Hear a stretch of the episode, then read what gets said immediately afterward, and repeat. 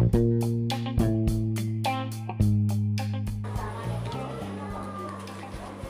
baik, sekarang kita melihat dari perspektif hukum perlindungan konsumen yang pada dasarnya merupakan bahagian dari ranah hukum perdata. Kenapa dikatakan sebagai bahagian dari ranah hukum perdata? Dikarenakan pada dasarnya perlindungan konsumen ini lahir dari hubungan sebab akibat ataupun lahir dari perikatan antara kedua belah pihak, yakni pelaku usaha dan konsumen di sisi satunya lagi. Nah, jika kita lihat dari sisi uh, perikatan ataupun perjanjian, ada kalanya orang sulit membedakan mana yang dikatakan wan prestasi dan mana yang dikatakan perbuatan melawan hukum. Perbuatan melawan hukum ini istilah Belandanya dikenal dengan onrehmatik data onrehmatik kedat. Nah, kita mulai dari yang pertama dahulu. Apa itu wan prestasi?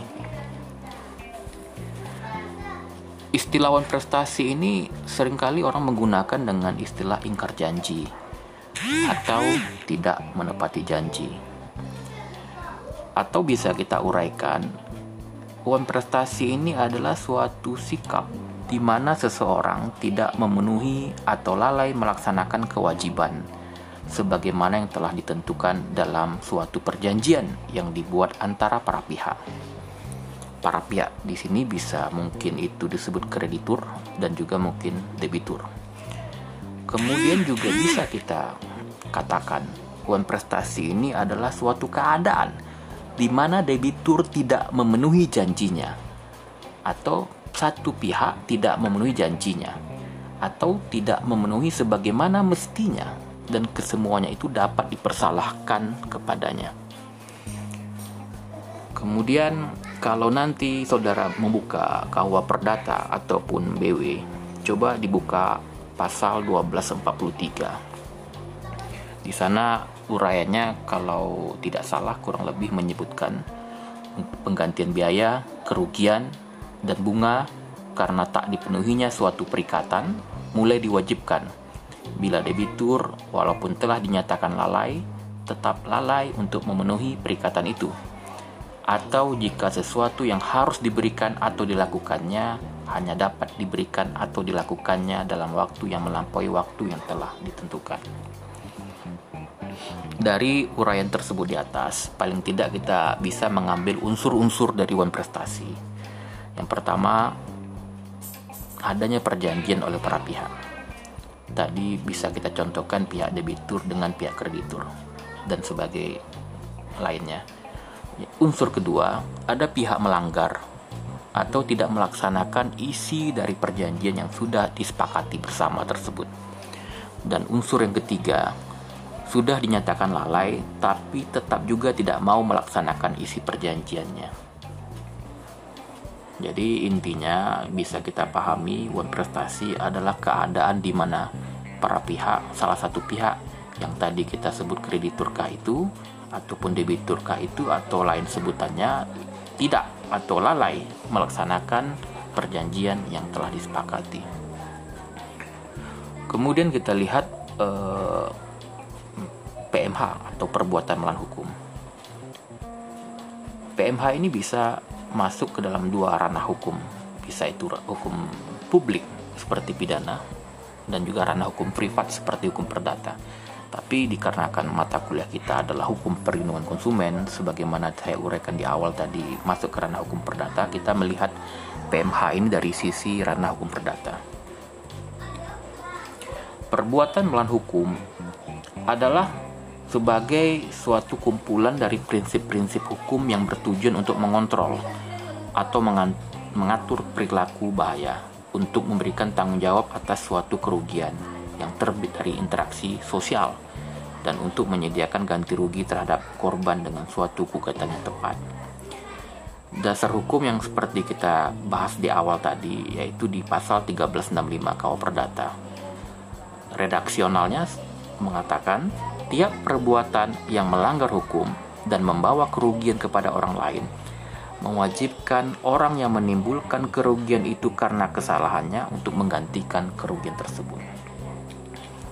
Kemudian, setelah perkembangan uh, hukum perdata di negeri Belanda, ada dulu kasus uh, cerobong asap, kemudian perkara Lindenbaum versus Cohen dan sebagainya mengakibatkan memperluas penafsiran perbuatan melawan hukum, sehingga perbuatan melawan hukum ini tidak hanya lagi terbatas pada perbuatan yang melanggar undang-undang saja, tapi juga mencakup salah satu perbuatan seperti perbuatan yang bertentangan dengan hak hak orang lain, perbuatan yang bertentangan dengan kewajiban hukumnya sendiri, perbuatan yang bertentangan dengan kesusilaan, perbuatan yang bertentangan dengan kehati-hatian atau keharusan dalam pergaulan masyarakat yang baik. Sehingga unsurnya bisa kita rumuskan dari PMH ini yang pertama adanya suatu perbuatan, yang kedua perbuatan tersebut melawan hukum, yang ketiga adanya kesalahan pihak pelaku, yang keempat adanya kerugian bagi korban, dan yang kelima adanya hubungan kausal atau sebab akibat antara perbuatan dan kerugian. Nah, kemudian kita lihat apa sih perbedaan dari wan prestasi dan PMH. Tentu kita lihat dari beberapa segi. Kalau dari segi sumber hukum itu sama-sama diatur dalam KUA Perdata atau BW, namun pasal yang mengatur wan prestasi bisa saudara baca nanti di pasal 1238, 1239, 1243 KUA Perdata. Sementara perbuatan melawan hukum sumber hukumnya pasal 1365 BW sampai dengan 1380 KUA Perdata. Kemudian Dewan Prestasi itu dia terjadi atau timbul dari persetujuan terlebih dahulu atau perjanjian terlebih dahulu. Sementara dari PMH dia timbul akibat perbuatan orang tanpa diwajibkan ada perjanjian kah terlebih dahulu ataukah tidak. Kemudian unsur-unsurnya kalau prestasi ada perjanjian oleh para pihak ada pihak melanggar atau tidak melaksanakan isi perjanjian yang sudah disepakati dan sudah dinyatakan lalai, tapi tetap juga tidak mau melaksanakan isi perjanjian. Sementara unsur perbuatan melawan hukum, adanya suatu perbuatan, perbuatan tersebut melawan hukum, adanya kesalahan pihak pelaku, adanya kerugian bagi korban, dan adanya hubungan kausal antara perbuatan dan kerugian. Kemudian timbulnya hak menuntut. Perbedaannya kalau wan prestasi, hak menuntut ganti rugi dalam wan prestasi muncul dari pasal 12, 1243 KUH Perdata yang pada prinsipnya membutuhkan pernyataan lalai. Ini dalam praktek hukum acara dikenal dengan istilah somasi. Sementara timbulnya hak menuntut dari perbuatan melawan hukum, hak menuntut ganti rugi dalam perbuatan melawan hukum tidak perlu peringatan lalai. Kapan saja terjadinya perbuatan melawan hukum tersebut, pihak yang merasa dirugikan berhak langsung menuntut ganti rugi. Kemudian pembuktian dalam gugatan. Kalau dalam wan prestasi, penggugat cukup menunjukkan adanya wan prestasi atau adanya perjanjian di mana perjanjian tersebut dilanggar. Sementara pembuktian dari dalam perbuatan melawan hukum, penggugat harus mampu membuktikan semua unsur-unsur perbuatan melawan hukum itu terpenuhi Selain itu, mampu membuktikan adanya kesalahan yang dibuat oleh salah satu pihak tersebut. Kemudian tuntutan ganti rugi. Kalauan prestasi, KAU Perdata sudah mengatur tentang jangka waktu perhitungan ganti rugi yang dapat dituntut, serta jenis dan jumlah ganti rugi yang dapat dituntut dalam prestasi, karena bersumber dari adanya perjanjian yang telah disepakati, di mana dalam perjanjian itu ada mungkin saja jangka waktu yang telah dibuat oleh para pihak tapi dilanggar kalau dilanggar ada besaran ganti rugi dan sebagainya. Tetapi kalau dalam hal perbuatan melawan hukum, KUA Perdata tidak mengatur bagaimana bentuk dan rincian ganti ruginya, sehingga dapat menggugat kerugian material dan imaterial. Kemudian tuntutan ganti rugi dalam prestasi, gugatan wan prestasi tidak dapat menuntut pengembalian pada keadaan semula. Dan dalam perbuatan melawan hukum, tuntutan ganti rugi dapat menuntut pengembalian pada keadaan semula. Demikian secara ringkas perbedaan antara wan prestasi dengan perbedaan perbuatan melawan hukum.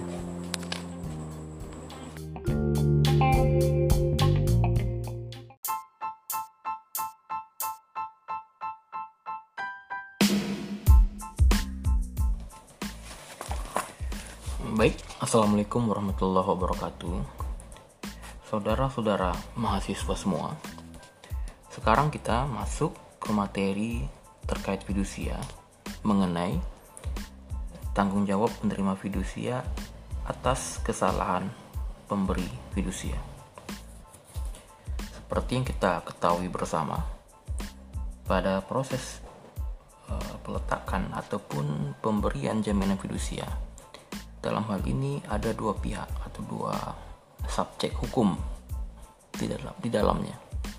Yang pertama disebut dengan penerima fidusia, yang kedua disebut pemberi fidusia.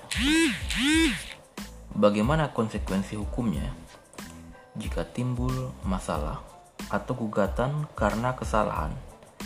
Dalam hal ini munculnya kesalahan itu bisa saja karena kesengajaan ataupun juga karena kekurang hati-hatian dari pemberi fidusia sehubungan dengan penggunaan atau pengalihan benda jaminan fidusia. Dalam hal ini, pihak penerima fidusia dibebaskan dari tanggung jawabnya. Dengan perkataan lain, pihak pemberi fidusia, pihak pemberi fidusialah yang bertanggung jawab penuh. Dalam hal ini adalah wajar mengingat pihak pemberi fidusialah yang bersalah dalam hal ini, sehingga wajarlah jika dia pula yang menanggung seluruh konsekuensi hukumnya, seperti yang ditegaskan oleh pasal 24 Undang-Undang Fidusia yang kurang lebih menyatakan bahwa tidak ada kewajiban atau tanggung jawab dari pihak penerima fidusia atas akibat kesalahan yang muncul karena kesengajaan atau kelalaian dari pihak pemberi fidusia yang timbul baik karena hubungan kontraktual ataupun karena perbuatan melawan hukum. Kalau tadi dimaksud timbul karena hubungan kontraktual, dalam kaitan ini lebih mengacu kepada perbuatan konprestasi. Sehubungan dengan penggunaan dan pengalian benda yang menjadi objek jaminan fidusia tersebut. Kemudian, jika kita melihat dalam keadaan bagaimana suatu jaminan fidusia menjadi hapus atau hapusnya jaminan fidusia, beberapa hal menyebabkan jaminan fidusia menjadi hapus seperti dalam kejadian-kejadian pertama hapusnya hutang yang dijamin oleh jaminan fidusia artinya hutang pokok yang telah diatur dalam perjanjian pokok atau perjanjian utang piutangnya telah hapus. Yang kedua, pelepasan hak atas jaminan fidusia oleh penerima fidusia. Yang ketiga, musnahnya benda yang menjadi jaminan fidusia. Lebih jelasnya, saudara bisa baca nanti pada pasal 25 ayat 1 Undang-Undang Fidusia nomor 42 tahun 1999. Hapusnya fidusia karena musnahnya hutang yang dijamin oleh fidusia adalah sebagai konsekuensi logis dari karakter perjanjian jaminan fidusia yang merupakan perjanjian ikutan seperti yang kita pelajari sebelumnya atau perjanjian asesoir yakni asesoir terhadap perjanjian pokoknya berupa perjanjian hutang piutang. Jadi, jika perjanjian hutang piutang atau piutangnya lenyap karena alasan apa pun, maka jaminan fidusia sebagai ikutannya juga ikut menjadi lenyap. Kemudian, hapusnya fidusia karena pelepasan hak atas jaminan fidusia oleh penerima fidusia juga wajar. Mengingat pihak penerima fidusia sebagai yang memiliki hak atas fidusia tersebut bebas untuk mempertahankan atau melepaskan haknya itu. Dan hapusnya fidusia akibat musnahnya barang yang dijaminkan fidusia tentu juga wajar mengingat tidak mungkin ada manfaat lagi fidusia itu dipertahankan jika barang objek jaminan fidusia tersebut sudah tidak ada. Hanya saja dalam hal ini, jika ada pembayaran asuransi atas musnahnya barang tersebut, seperti misalkan asuransi kebakaran dan sebagainya, maka pembayaran asuransinya tersebut menjadi haknya pihak penerima fidusia. Bisa nanti saudara baca pada pasal 25 Undang-Undang Fidusia. Kemudian ada prosedur tertentu yang harus ditempuh manakala suatu jaminan fidusia hapus. Ya ini harus dicoret pencatatan jaminan fidusianya pada kantor pendaftaran fidusia. Dicoret ini juga bisa dibilang giro ya. Selanjutnya kantor pendaftaran fidusia menerbitkan surat keterangan yang menyatakan bahwa sertifikat jaminan fidusia yang bersangkutan dinyatakan tidak berlaku lagi. Dalam hal jaminan fidusia tersebut dicoret dari buku daftar fidusia yang ada pada kantor pendaftaran fidusia.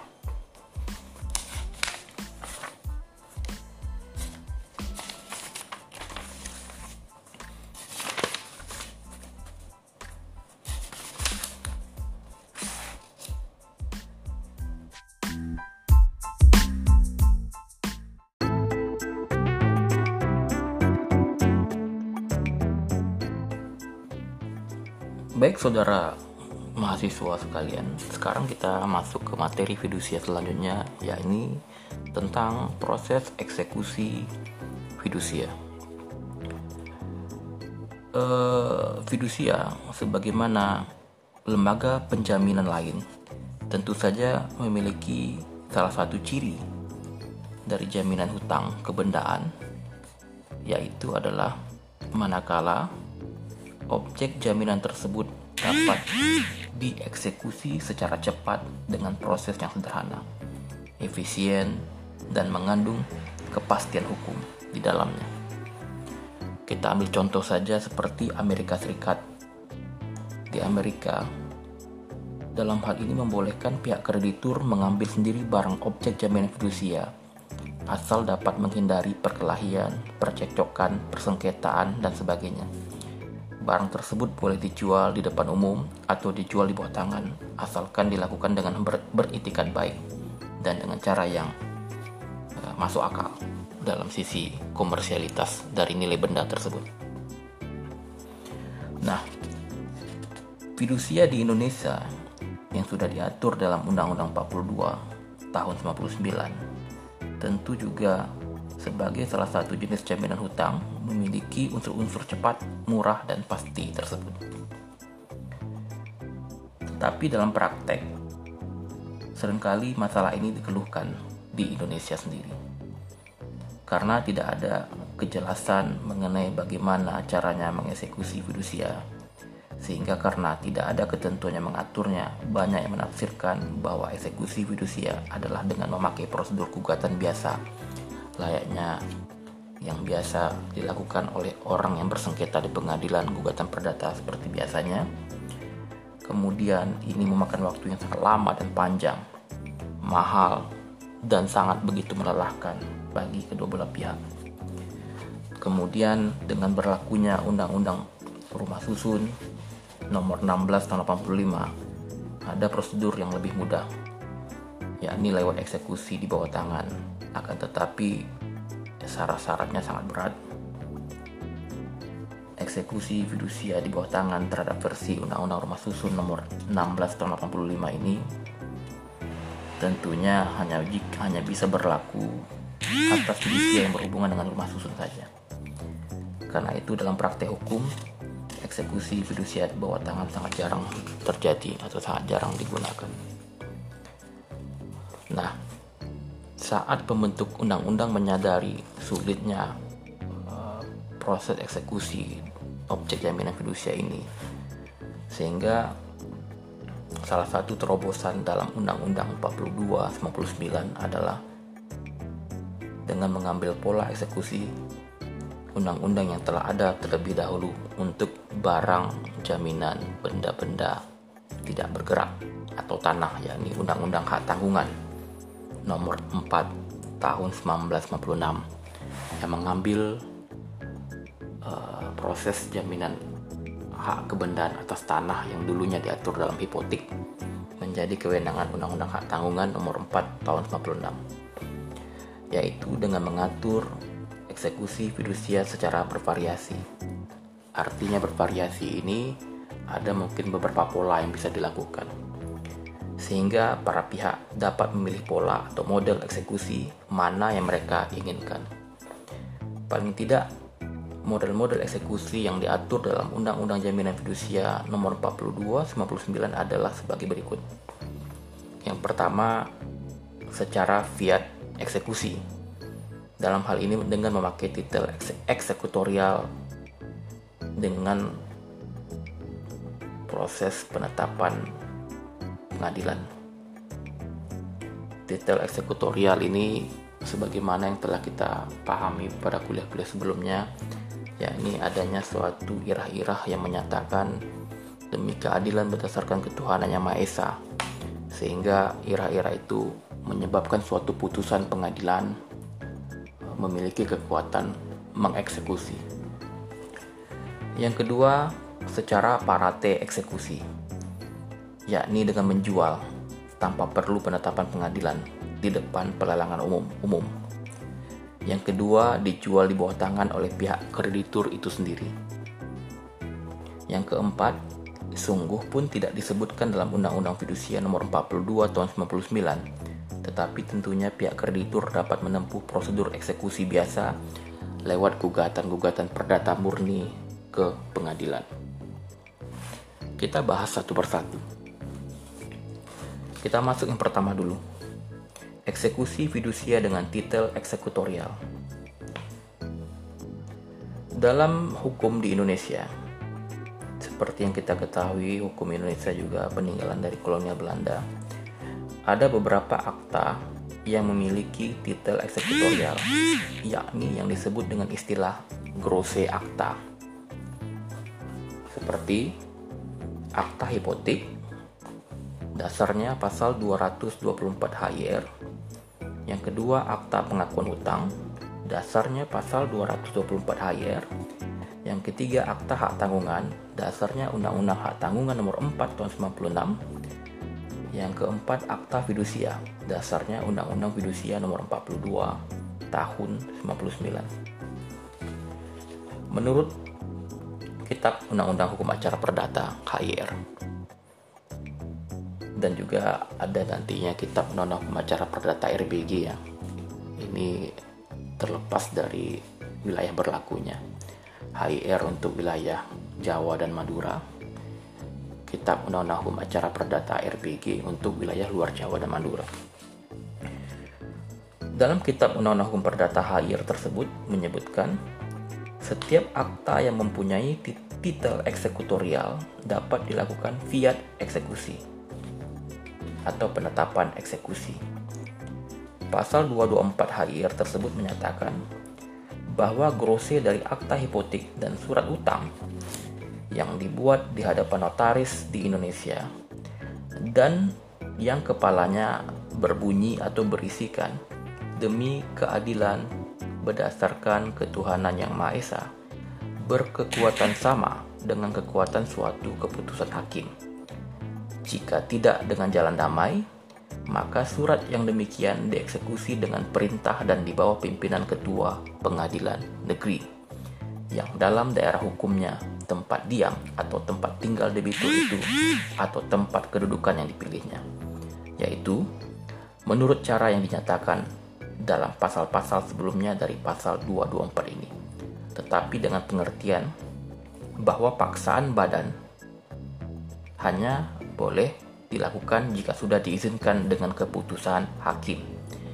Jika putusan hakim itu harus dilaksanakan seluruhnya atau sebahagian di luar daerah hukum pengadilan negeri yang memerintahkan pelaksanaan putusan itu, maka haruslah dituruti ketentuan dalam pasal 195 ayat 2 dan seterusnya dari HIR.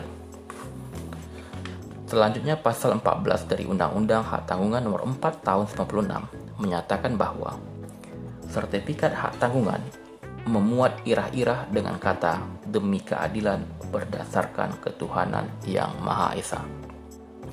Sertifikat hak tanggungan tersebut mempunyai kekuatan eksekutorial yang sama dengan putusan pengadilan yang telah memperoleh kekuatan hukum tetap dan berlaku sebagai pengganti grosse akta hipotek sepanjang mengenai hak tanggungan atas tanah. Kemudian dalam Undang-Undang Fidusia sendiri, nomor 42 tahun 99. Pasal 15 menyatakan bahwa dalam sertifikat jaminan fidusia dicantumkan kata-kata demi keadilan berdasarkan ketuhanan yang Maha Esa. Sertifikat jaminan fidusia tersebut mempunyai kekuatan eksekutorial yang sama dengan putusan pengadilan yang telah memperoleh kekuatan hukum yang penuh.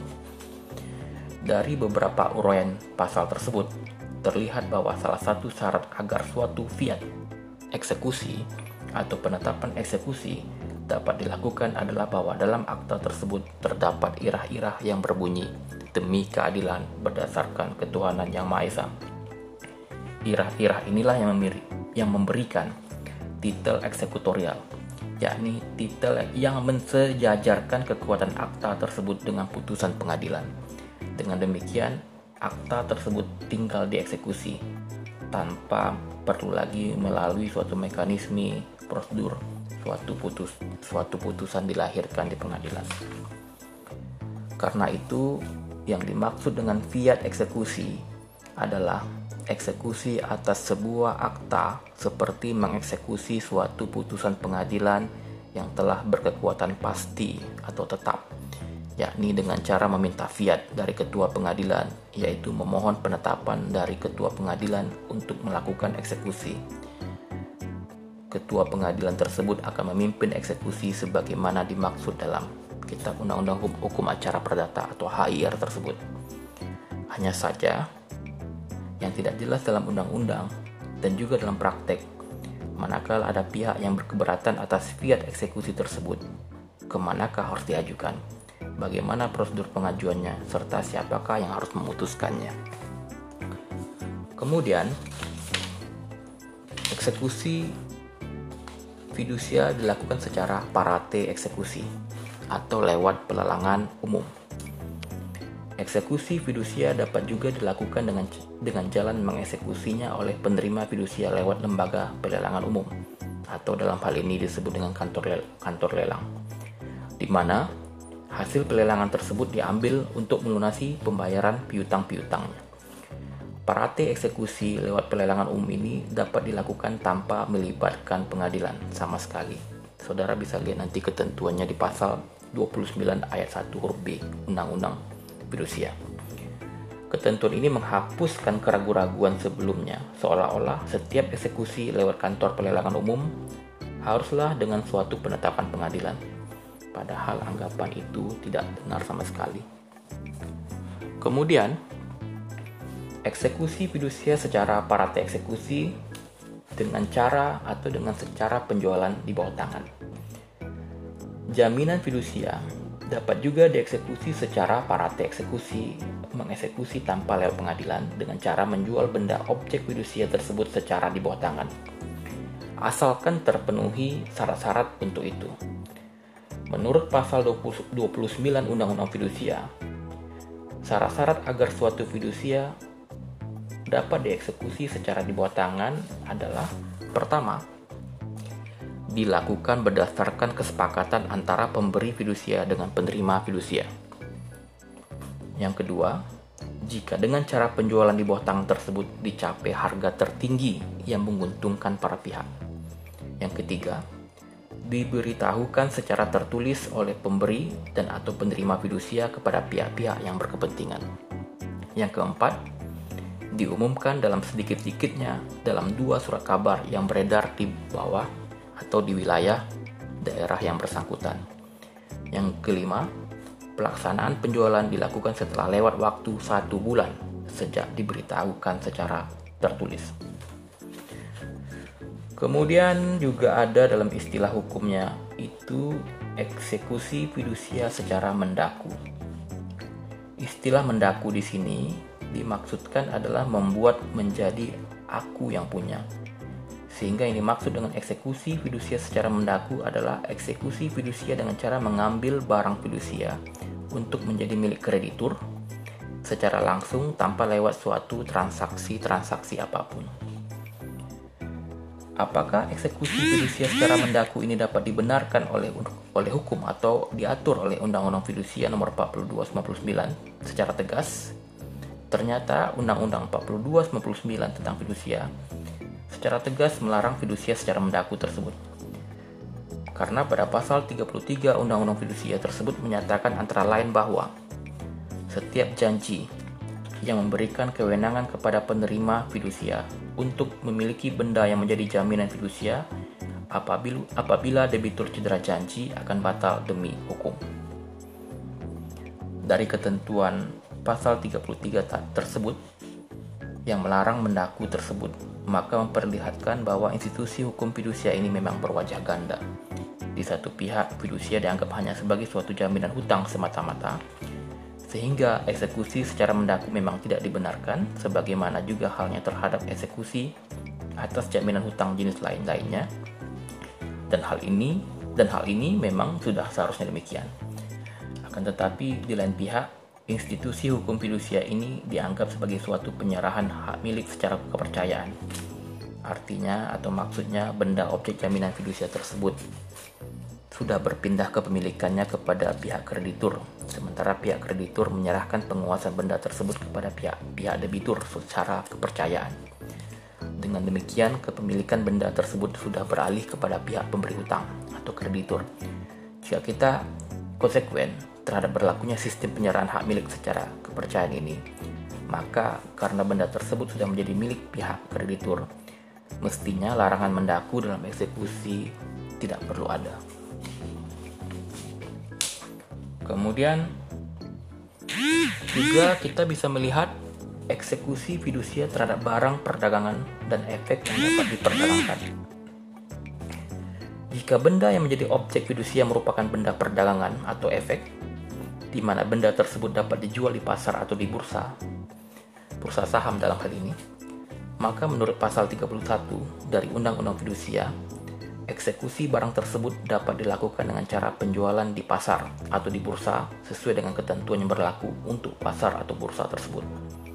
Misalnya, jika barang tersebut berupa saham dari perusahaan terbuka, di mana sahamnya telah diperjualbelikan kepada publik yang diperdagangkan di bursa efek, maka eksekusi fidusia dapat dilakukan berupa penjualan di bursa efek dengan mengikuti peraturan di bursa yang bersangkutan dan ketentuannya ber, diberlakukan oleh Bapopam LK.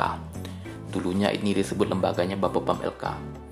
Sekarang sudah ber, sudah uh, berganti dengan sebutan OJK atau berbagai peraturan pasar modal lainnya. Setiap janji untuk melaksanakan eksekusi dengan cara yang bertentangan dengan pasal 31 tersebut di atas akan batal demi hukum. Nanti bisa saudara lihat ketentuannya pada pasal 32 Undang-Undang Fidusia.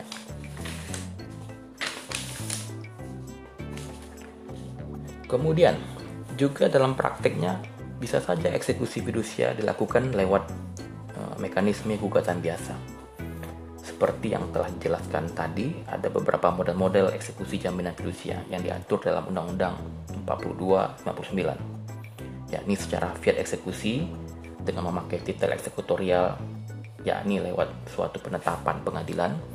Yang kedua, secara parate eksekusi, yakni dengan menjual tanpa perlu penetapan pengadilan di depan pelelangan umum. Yang ketiga dijual di bawah tangan oleh pihak kreditur itu sendiri. Dalam pasal 29 tersebut tidak disebutkan cara eksekusi fidusia lewat gugatan biasa. Lalu apakah ini berarti bahwa gugatan biasa tidak dapat dilakukan untuk mengeksekusi fidusia tersebut? Jawabannya tidak demikian. Sungguh pun tidak disebutkan dalam Undang-Undang Fidusia, tetapi tentunya pihak kreditur dapat menempuh prosedur eksekusi biasa lewat gugatan biasa ke pengadilan. Sebab keberadaan undang-undang fidusia dengan model-model eksekusi khusus, tidak untuk meniadakan hukum acara yang umum, tetapi untuk menambah ketentuan yang ada dalam hukum acara umum. Tidak ada indikasi sedikit sedikit pun dalam undang-undang fidusia khususnya tentang cara eksekusinya yang bertujuan meniadakan ketentuan hukum acara umum tentang eksekusi umum lewat gugatan biasa ke pengadilan negeri yang berwenang. Tambahan pula, bukankah keberadaan model-model eksekusi khusus dalam undang-undang fidusia tersebut untuk mempermudah dan membantu pihak kreditur dalam menagih hutangnya yang memiliki jaminan fidusia dengan jalan mengeksekusi jaminan fidusia tersebut. Satu dan lain hal disebabkan eksekusi fidusia lewat gugatan biasa memakan waktu yang sangat lama, sangat panjang, dan prosedur yang berbelit-belit.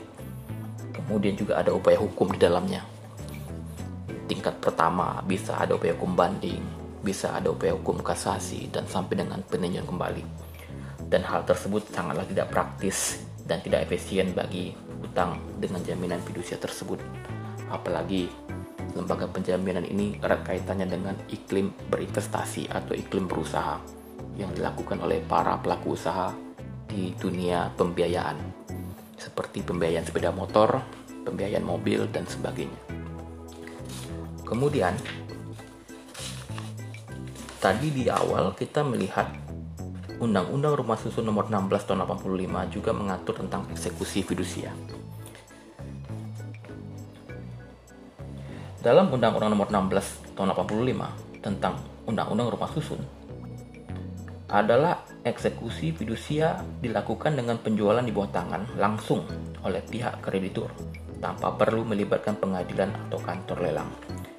Undang-Undang Rumah Susun Nomor 16 Tahun 85 memberikan beberapa syarat agar eksekusi di bawah tangan ini dapat dijalankan. Syarat-syarat tersebut adalah sebagai berikut. Satu, harus diperjanjikan untuk itu. Artinya ini tidak berlaku secara hukum. Kedua, dapat dilakukan manakala harga tertinggi yang menguntungkan kedua belah pihak dapat dipenuhi dengan eksekusi bawah tangan tersebut. Tiga, Penjualannya baru dapat dilakukan setelah melewati tengah waktu satu bulan setelah diberitahukannya secara tertulis kepada yang berkepentingan. 4. Dilakukannya dengan jalan mengumumkannya di dua surat kabar setempat dan atau media-media cetak lainnya. Kelima, tanpa ada pihak yang menyatakan sanggahan ataupun berkeberatan. Nah, itulah beberapa model eksekusi terhadap jaminan hak kebendaan jaminan yang dalam hal ini tentu saja kita mempelajari jaminan fidusia.